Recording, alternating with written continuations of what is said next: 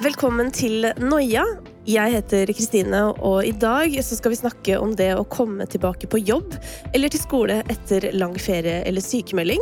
Vi skal også innom det å flytte til et nytt sted for å begynne på jobb eller skole, og det å ikke ha noe å komme tilbake til akkurat nå.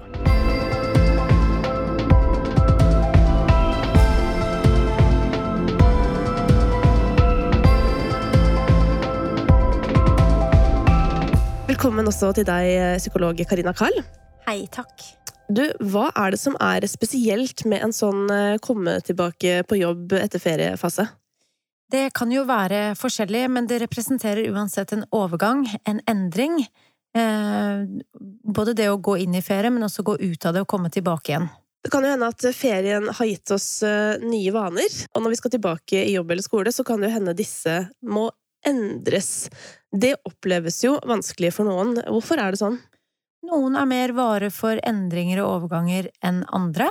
Og så kan kontrasten eh, ferie og hverdag eh, kanskje være ganske stor, og da blir det Det kan oppleves som veldig strengt eller trist eller vanskelig å skulle komme tilbake til hverdagen hvis det representerer en stor kontrast til det man har gjort i ferien. Mm. Det er en som har skrevet til oss eh, på Instagram, eh, at Noia-podkast, eh, at overgangen til hverdag er en trigger for panikkanfall. Hva tenker du at kan være årsaken til det? Da blir jeg veldig nysgjerrig på å spørre vedkommende hva som er triggeren for den personen, men det jeg umiddelbart kan tenke i retning av, det er krav, forventninger, leve opp til forventninger, at man skal yte, at det er et press på en annen måte enn det det er på en ferie. Mm.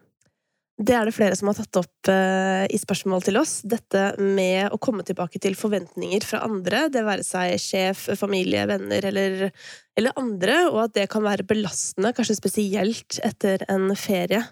Hvordan kan man møte det? Jeg tenker generelt at forventninger er verdt å være kritisk til, fordi det er også store forventninger knyttet til knyttet til hva det vil si å ha ferie. Eh, vi stiller jo ofte veldig store forventninger til det også. Så å komme tilbake til hverdagen, så skal du leve opp til forpliktelser. Eh, du skal eh, levere på jobb, du skal levere på, på, mange arenaer som du kanskje har blitt fritatt fra gjennom en ferieperiode. Mm. Og det skal ikke mer til enn et par uker, kanskje dager, noen ganger, av før overgangen føres veldig voldsom tilbake igjen. Og da handler det nettopp om å komme i gang og teste, og plassere disse tankene på katastrofetankeknaggen, mm. og så teste i praksis. Det er eh, noen som skriver til oss at um, ferien har vært et fristed. Uh, hvordan kan jeg motivere meg til et nytt arbeidsår? Det er jo en velsignelse i seg selv, tenker jeg, at ferien har vært et fristed. Hva var det fineste ved ferien? Hva gjorde det ved deg? Hva hadde du i ferien som du ikke har i hverdagen, som mangler i hverdagen?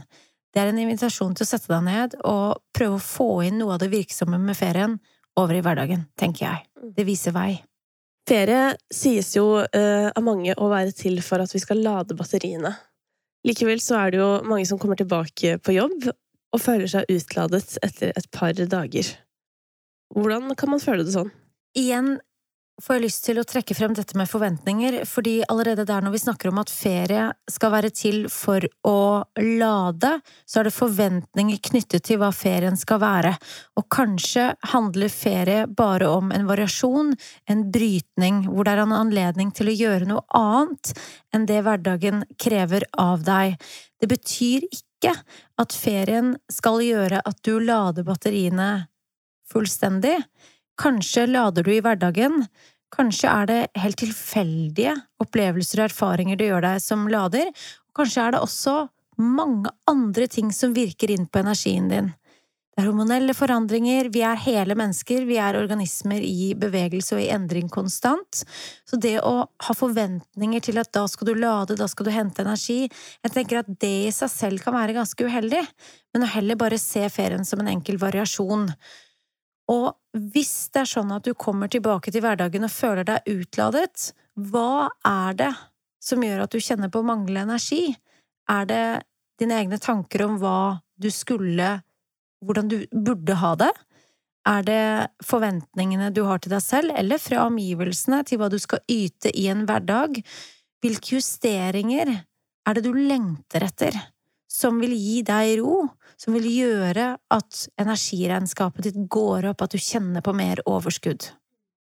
Altså Når jeg er i litt sånn angstete tilstand, så går jeg jo hele tiden og kjenner etter sånn Går det bedre nå? Er jeg uthvilt nå?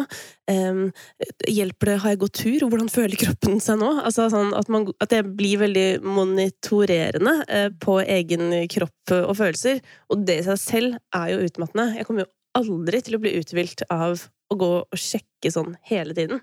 Og sånn sett så kunne det jo nesten eh, vært mer beroligende for meg da, å være eksempel på en festival, selv om det er masse bråk og folk og alkohol for den saks skyld, bare fordi at kanskje hodet i større grad hadde fått hvile, da. Så det er jo utrolig individuelt hvor man henter eh, lading. Det er nettopp det. Det er nettopp det. Jeg tenker uansett hva det er, så er det forventningene til hva noe skal være, til hvordan man skulle ha det, hvordan ting helst skulle vært som spenner ben for oss, heller enn hvordan ting reelt er. Mm. Og det er en invitasjon til å øve aksept, og tillate hva enn som er, uten at det er noe feil ved det. Vi er så raske til å dømme, intellektualisere, vurdere, og det er det som, tenker jeg, både stjeler energi, men også spenner ben for hvordan vi faktisk har det, og evnen vår til å være til stede i øyeblikket. Det er jo ikke alle som har hatt det eh, helt rått i ferien. Eh, og det er en som har spurt oss eh, via Noia-podkast på Instagram hva gjør du eh, når noen spør deg hvordan har du hatt det i ferien, og så har du bare hatt en forferdelig ferie? Hva har du det godt med å svare? Hva er et svar som for deg føles og oppleves greit å respondere med? Og der tenker jeg at du kan svare på en måte som åpner opp for å snakke mer om det, eller et svar som, som lukker det ned. Ehm, det tenker jeg er viktig å reflektere rundt. Og så er det lov å være ærlig, og husk på at det er aldri noe du har tenkt eller følt som ikke har vært tenkt eller følt til andre før deg. Så når du selv kjenner på at du har hatt en forferdelig ferie, så er det en menneskelig erfaring. Det vil si det er andre også som har lignende erfaringer. Det er ikke noe galt med deg. Det er en erfaring du har hatt, som er menneskelig, som andre også kjenner på. Så det øyeblikket vi er ærlige, det som er det fine med det, det er jo nettopp at andre kan kjenne seg igjen og koble seg på.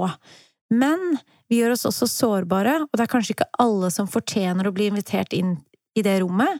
Så jeg tenker man skal vurdere det også, mm. og man skal kanskje også vurdere settingen. Mm. Så hvis du har en kollega som du vet at ikke pleier å møte deg på en god måte, så trenger du ikke å fortelle til akkurat det mennesket at du hadde en forferdelig ferie. Men jeg tenker at det er viktig å, å tenke over sånn om om du har eh, dagen til å snakke om det, på en måte. Eh, og hvis ikke, så er det lov å ta en hvitløgn og si ja, den var grei.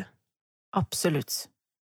Du, vi har også eh, fått en melding eh, som går liksom litt utover dette med å komme tilbake på jobb, men det handler fortsatt om å komme tilbake til hverdagen.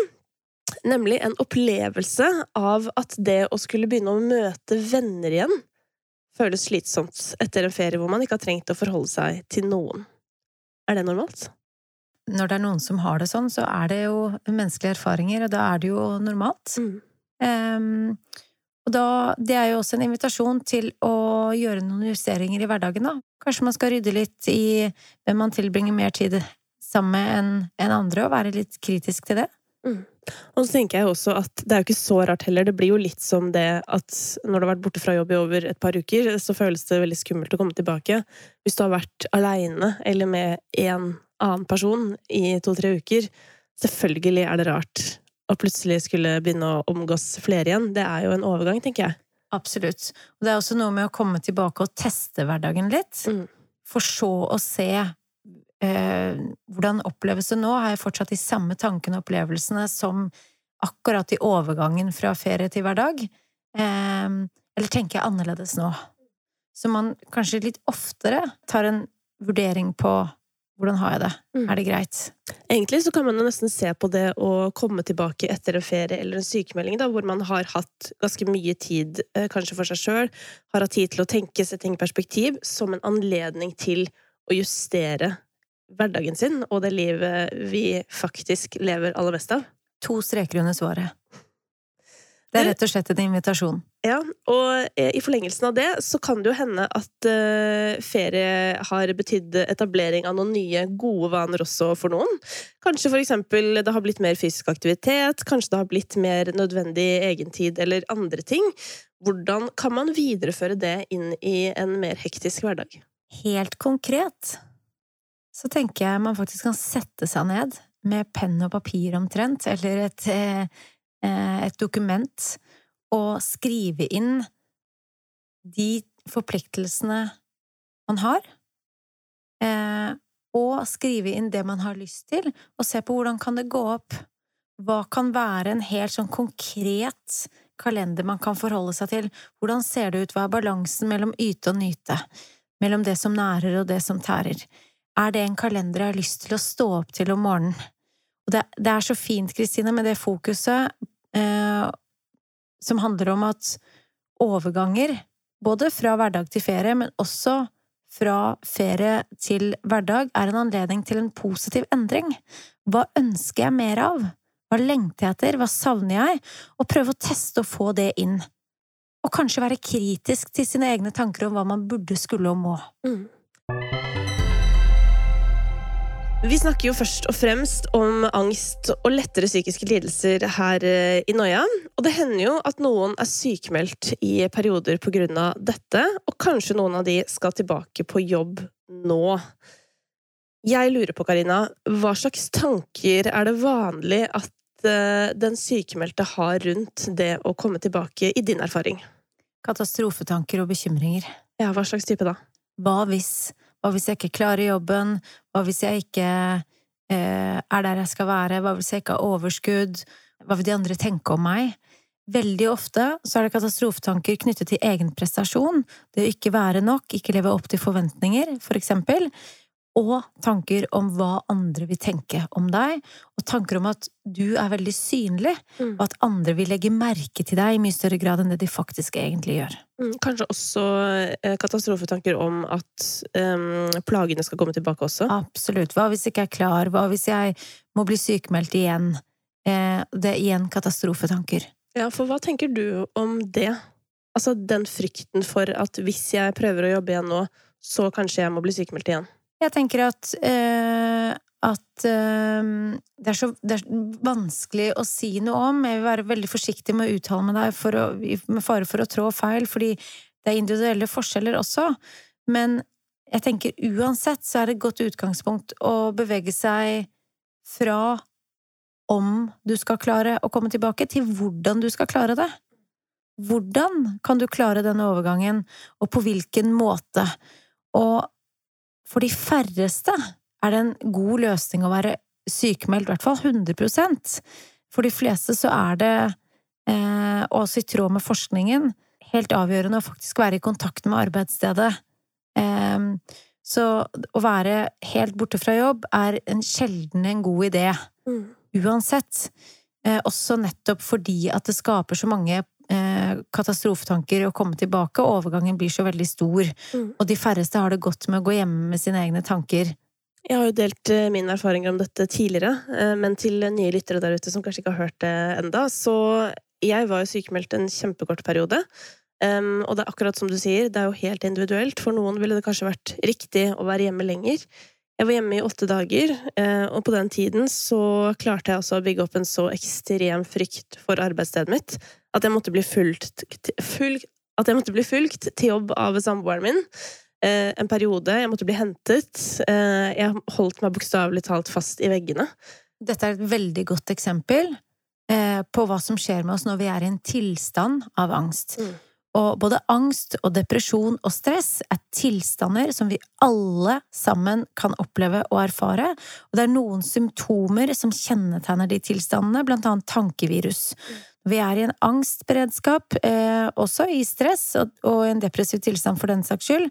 Så har vi katastrofetanker. Vi har negative forestillinger over hva som kan skje, og vi tenker og ser i hindre i mye større grad enn hva som er realistisk, og hva vi normalt sett, altså vanligvis, gjør. Mm. Dette er viktig å vite noe om. Så jeg tenker at vi har godt av, de aller fleste av oss, da å forholde oss kritisk til tankene våre. Altså på generelt grunnlag, egentlig, for tanker er ikke sannhet. Mm. Eh, og kanskje til og med skrive tankene ned for nettopp å skape den distansen til de. Det kan være en, en fin måte å, å, jobbe med tankene på, og da også regulere følelsene knyttet til å for eksempel komme tilbake til jobb etter sykefravær. Mm. Jeg har lyst til å legge til også der at eh, vi snakker nå om syke nærvær, det vil si viktigheten av å ha kontakt med arbeidsstedet, eh, dialog med nærmeste leder, sånn at vi faktisk kan forhindre de brutale overgangene. Det blir brutalt og brått for de aller fleste av oss, selv etter få dager. Jeg tenker også hvor virksomt det kan være å faktisk utfordre seg lite grann, og det kan oppleves veldig tungt. Men jeg tenker at i hvert fall ut fra min egen erfaring, gevinsten eh, som jeg da sitter igjen med i ettertid, all læringen om at eh, katastrofetankene vel aldri har vist seg å stemme, den er så verdifull at jeg er glad for at jeg turte å utfordre meg til å gå tilbake. Nettopp. Og motgang gir en anledning til å mestre. Mm. Vi kan ikke oppleve mestring uten å oppleve motgang. Vi kan på samme måte heller ikke oppleve å være fryktløse uten å oppleve frykt. Vi kan ikke oppleve glede uten å oppleve tristhet, så vi blir nødt til å forholde oss til et motsetningsfullt liv. Mm. Og noe av det mest virksomme vi kan gjøre uansett hva vi står i, om det er overgang fra ferie til hverdag, fra sykefravær til å komme tilbake til jobb, så er selvomsorg relasjonen vi har til oss selv, måten vi behandler oss selv, er ganske avgjørende Mm. eh, i motgang generelt. Det er eh, ikke bare folk som eh, eh, gruer seg til å komme tilbake til eh, sin faste jobb, som har tatt kontakt med oss, Karina. Det er også mennesker som skal begynne både i ny jobb, flytte til nye steder, begynne på nye skoler. Um, og til alle de som begynner i ny jobb, hva kan være en eh, god måte å gjøre det på? For da er det jo liksom, kan være litt frykt i forhold til nettopp dette med forventninger. Du veit kanskje ikke helt hva du går til. Hvordan møter man det på en best mulig måte? Minne seg selv om at det er normalt å være nervøs. Mm. Hvis det er sånn at du skal inn i en ny jobb, eller eh, starte på et nytt studie og er redd for å ikke bli kjent med noen, for eksempel, så minn deg selv om at andre har de samme katastrofetankene som deg. Du er et menneske. Det vil si, i praksis, vær den du hadde turt å gå bort til. Vær og representer det du ønsker at stedet, miljøet, skal representere for deg. Så vær den som er trygg, tilgjengelig, som man tør å si hei til. Da øker du sannsynligheten for at andre vil snakke med deg, eh, for andre er også redde og engstelige for det samme som deg, for nettopp å bli stående alene. Vi er flokkdyr, vi trenger hverandre, vi trenger å erfare gjenklang og tilhørighet. Du er ikke alene om å ha de tankene. Hvis du har flytta et sted for å begynne på ny skole eller jobb eller i det hele tatt, hvorfor skremmer det mange? Det er en overgang, og igjen så handler det ikke om det at man skal flytte, men tankene man tillegger det. Hva hvis jeg ikke trives? Hva hvis jeg ikke klarer det? Hva hvis jeg ikke får noen venner? Hva hvis ingen vil snakke med meg? Hva hvis jeg blir stående alene? Sånne type tanker. Artig at du nevner de, for dette er jo spørsmålene vi har fått inn. Eh, Bokstavelig talt, eh, vil jeg si. Um, blant annet eh, folk som er redd for at eh, den avgjørelsen om å flytte eh, og begynne i ny jobb skal vise seg å ikke gå som planlagt. Og det kan skje, men sannsynligvis så er det en katastrofetanke. Og katastrofetanker er ment som forberedelser, så vi kan forholde oss til det kritisk, men vi kan også si ok, men hvis det skjer, da, hvis det verst tenkelige skjer, hva da? Hva er plan B, hva kan du gjøre da? For noen så er det beroligende å, å tenke over det, at ja, men da kan jeg flytte tilbake, da, eller da kan jeg gjøre noe annet. Mm. Og da er, da er jeg en erfaring rikere, og kommer tettere på hva som er riktig og, og viktig for meg nå. Så du kan ikke eh, feile, enten så lykkes du, eller så lærer du. Og se det heller som en veiviser, at den erfaringen du får, den kan du bruke eh, på en måte som gagner deg. Det viser vei. Men fins det noen teknikker i forhold til å liksom senke skuldrene litt før skolestart eller start i ny jobb, for eksempel? For noen så kan det hjelpe å skrive alle bekymringer og katastrofetanker ned. Eh, se det sort på hvitt. Og, og da avvæpne de lite grann. Og eh, minne seg selv om alternativer. Hvis en annen person, enn du kjenner, en god venn, for eksempel, hadde hatt de samme tankene, hva hadde du sagt til vedkommende? Um, har du vært i lignende situasjoner før, eller situasjoner som har vekket mange av de samme tankene? Hva har faktisk skjedd da? Hva er sannsynligheten for at katastrofetankene blir til noe? Og også tillate deg selv å tenke hva er det beste som kan skje? Og hva hvis jeg går frem i tid, forestiller meg at dette går bra, og kikker tilbake? Hva ville jeg sagt til meg selv nå, da? Så jeg tenker at dette med normalisering er viktig.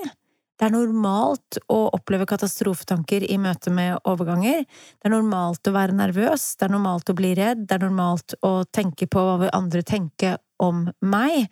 Eh, minne seg selv om det. Det tror jeg er veldig, veldig, veldig viktig. Noe av det verste for oss mennesker, det er å være alene med våre egne tanker, og ikke tørre å dele. Mm. Og det er det mange som føler på, Karina. Fordi nå har vi snakka om det å komme tilbake på en jobb. Vi har snakka om å reise av gårde ut på nye eventyr i jobb- eller skolesammenheng. Men det er noen som ikke skal tilbake på noe som helst nå. Eh, og som kan føle på en skam over å ikke ha en plan denne høsten her, for eksempel på grunn av psykiske utfordringer. Hvordan håndterer man å ikke ha en plan i et samfunn som er så orientert rundt alt vi skal og gjør. Jeg tenker at det kan være lurt å lage seg en plan likevel, om det ikke nødvendigvis handler om en jobb eller et studie. At man har sin egen agenda, sine egne mål, sine egne intensjoner eller drømmer, eh, som igjen da ikke nødvendigvis er knyttet opp mot en jobb eller et studiested.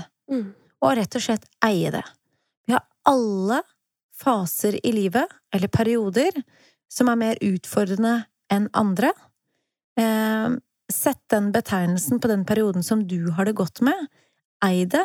Lag ditt eget prosjekt, og skap din egen agenda. Mm.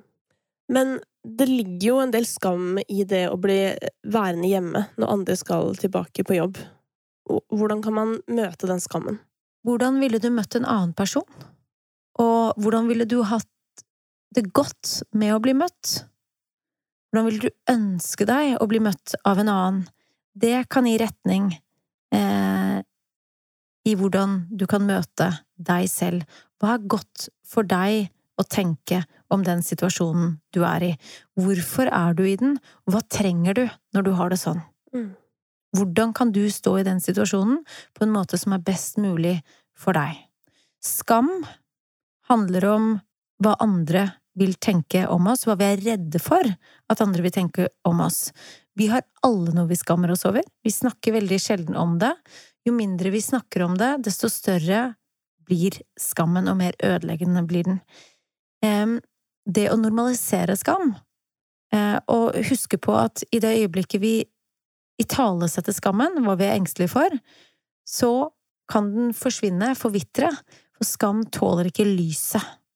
Så det å si at jeg skammer meg for at ikke jeg har noe jeg skal tilbake til, og si det høyt til noen som du er fortrolig med, det kan virke veldig avvæpnende og godt. Og så tror jeg at eh, vi også er veldig gode på å sammenligne oss med andre mennesker. Vi er raske til å tenke at alle andre, i gåsehøyne, skal tilbake til jobb, alle andre skal tilbake til studier, alle andre har liv, alle andre gjør så mye gøy, eh, og setter oss selv i et helt annet lys til sammenligning med det alle andre tilsynelatende gjør, som er utopi. Mm. Og tenker at jeg har ingenting, jeg skal ingenting, og nedvurderer oss selv sammenlignet med andre. Så jeg tenker også det å skru litt ned for sammenligningen og fokusere på seg selv. Hva er det jeg har lyst til? Hva er viktig og riktig for meg nå? Mm. Og hvis den høsten du går inn i nå, ikke innebærer en plan om studie eller jobb, så er det én høst av hvor mange i løpet av et liv? Og hvor stor plass og del tar den egentlig i en større sammenheng? Vil du tenke om den når du sitter på gamlehjemmet og tenker tilbake? Men jeg tror jo at i en tilstand av eksempel angst, da, og hvis man sitter hjemme og er sykemeldte, eksempel, så skjønner jeg jo at man kan få en følelse av at jeg kommer aldri til å komme meg tilbake i jobb, eller jeg kommer aldri til å få tatt det studiet, eller at katastrofetankene blir ekstreme, da. Og når de har kommet på det nivået, hvordan kan man utfordre de da? Jeg håper at man da har tilgang til profesjonell hjelp, så man kan få en støtte på en sånn måte. Eh, og så tenker jeg at vi alle trenger å oppleve mestring. Vi alle trenger å kunne bruke evnene våre, og vi alle har evner. Også selv om det ikke føles sånn mm. innimellom, når vi har det veldig vondt og vanskelig, som vi alle kan erfare og oppleve. Mm. Eh, jeg vil oppfordre til å finne ditt eget lille prosjekt. Mm. Hva det enn er, som kan være en kilde til mestring og mening. Det trenger vi, og det kan gi retning. Det kan være hva enn. Hva enn. Mm. Helt til slutt, eh, Karina, så um, har jeg lyst til å ta med et spørsmål som uh, også kom via Noia Podkast sin Instagram-konto. Um, nemlig en som har veldig lyst til å reise bort for å studere, men som ikke tør i frykt for at uh, angsten skal sette en stopper for det hele. Da høres det ut som at angsten potensielt kan sette en stopper, mm. hvis, får, hvis frykten får lov til å regjere. Jeg får lyst til å spørre mer inn til lysten. Mm. Hva er det som gjør at du har lyst til å reise? Hva er det du ser for deg? Hva er det best tenkelige scenarioet? Hva drømmer du om? Hva er det du ønsker deg å ha gjort? Det er en invitasjon til å handle i retning av det du ønsker deg og drømmer om. Angsten kan få lov til å være der, den. Men den trenger ikke å få lov til å påvirke handlingene dine. Eh, gå med det du har lyst til, gå med det du drømmer om, og skal du nok klare angsten. Det er en anledning til å mestre og håndtere. Mm var derfor jeg hadde så lyst til å ta med dette spørsmålet helt på tampen, Karina. Fordi jeg visste at uh, du kom til å fokusere på det at man må gå etter det man har lyst til. Fordi jeg tenker at det å ha, en, å ha lysten der i seg selv, det er på en måte et friskhetstegn. Altså det sier noe om at det fins en glød i deg. Du har en gnist, du har lyst til å gjøre en ting. Uh, og hvis du da er i en tilstand hvor du, du sliter kanskje med angst, kanskje du føler deg litt deprimert, altså hva vet jeg Det å kjenne den gnisten, den må man jo bare gå etter. Mm. For det er jo den, tenker jeg, som potensielt kan gi deg den gleden du savner. Eh, og som kan gi deg anledning, som du sier, til å få utfordre angsten, og ikke minst kjenne at du faktisk klarer å leve et veldig godt liv, selv om det kanskje dukker opp av og til. Absolutt. Jeg tenker det er noen nøkkelord i det vi snakker om, da. Det er dette med forventninger. Eh, og da eh, komme tilbake til aksept og tillate hva enn som er eh, normalisering. Det er normalt å kjenne på overganger. Det er normalt å ha vonde og vanskelige perioder, dager, hva enn. Eh, og hva ønsker du mer av? Ferie og overganger er en anledning til å få mer av det du ønsker inn i hverdagen. Og hvis du ønsker mer av Noia, så kan du skrive til oss eh, via f.eks. Instagram at Noia podkast. Fortell hva du ønsker å høre mer om, og husk at det fins en hel rekke med episoder som ligger og venter på deg der du hører podkast. Trenger du hjelp nå, så kan du ringe 116 117, så kommer du til nærmeste legevakt. Og helt til slutt, tusen takk til Rådet for psykisk helse og Ekstrastiftelsen for støtte til Noia.